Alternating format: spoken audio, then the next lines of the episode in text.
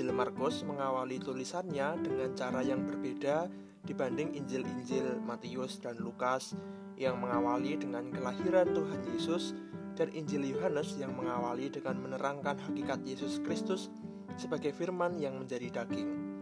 Injil Markus langsung mengawali dengan sebuah pendahuluan pelayanan Tuhan Yesus oleh Yohanes, seorang nabi yang menyerukan pertobatan. Markus 1 ayat 2 sampai 4. Seperti ada tertulis dalam kitab Nabi Yesaya, lihatlah, aku menyuruh utusanku mendahului engkau. Ia akan mempersiapkan jalan bagimu. Ada suara orang yang berseru-seru di padang gurun. Persiapkanlah jalan untuk Tuhan, luruskanlah jalan baginya.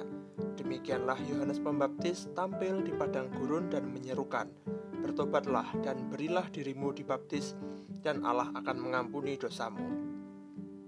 Pendahuluan Nabi Yohanes yang mewartakan pertobatan menjelang dimulainya pelayanan Tuhan Yesus penuh waktu didasarkan pada nubuatan nabi-nabi dalam perjanjian lama. Di sini Injil Markus memiliki dasar berangkat yang jelas bahwa yang terjadi adalah bagian dari kehendak Allah sejak waktu yang lama yang disampaikan melalui nabi-nabinya Pendahuluan oleh Yohanes juga menjadi semacam persiapan bagi orang-orang yang akan segera berjumpa dengan Tuhan Yesus, yakni telah mendengar pewartaan tentang pertobatan.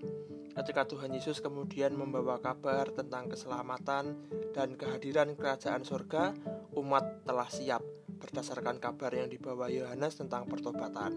Pertobatan menjadi awal bagi manusia masuk terlibat dalam karya keselamatan Allah di dalam Tuhan Yesus dan ikut dalam kerajaan surga yang hadir di antara manusia.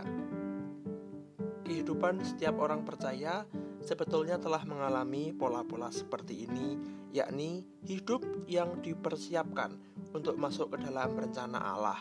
Banyak hal telah menjadi bekal kehidupan, yakni persiapan itu yang diterima oleh orang-orang percaya. Persiapan itu adalah persiapan iman dan persiapan kehidupan berupa hal-hal yang nampaknya rutin, misalnya pemeliharaan iman melalui persekutuan dan ibadah, pemeliharaan iman secara pribadi, maupun pengalaman kehidupan yang diinspirasi oleh Tuhan, sehingga mata hati kita dibukakan untuk melihat karya dan kehendak Tuhan. Hal ini kemudian memantapkan kita secara iman dan hati di dalam hidup ini ketika ada dinamika maupun pergumulan yang terjadi. Dengan demikian, setiap pengalaman hidup ini akan menjadi bagian dari keyakinan kita yang teguh kepada Tuhan dan kita turut terlibat dalam setiap karyanya.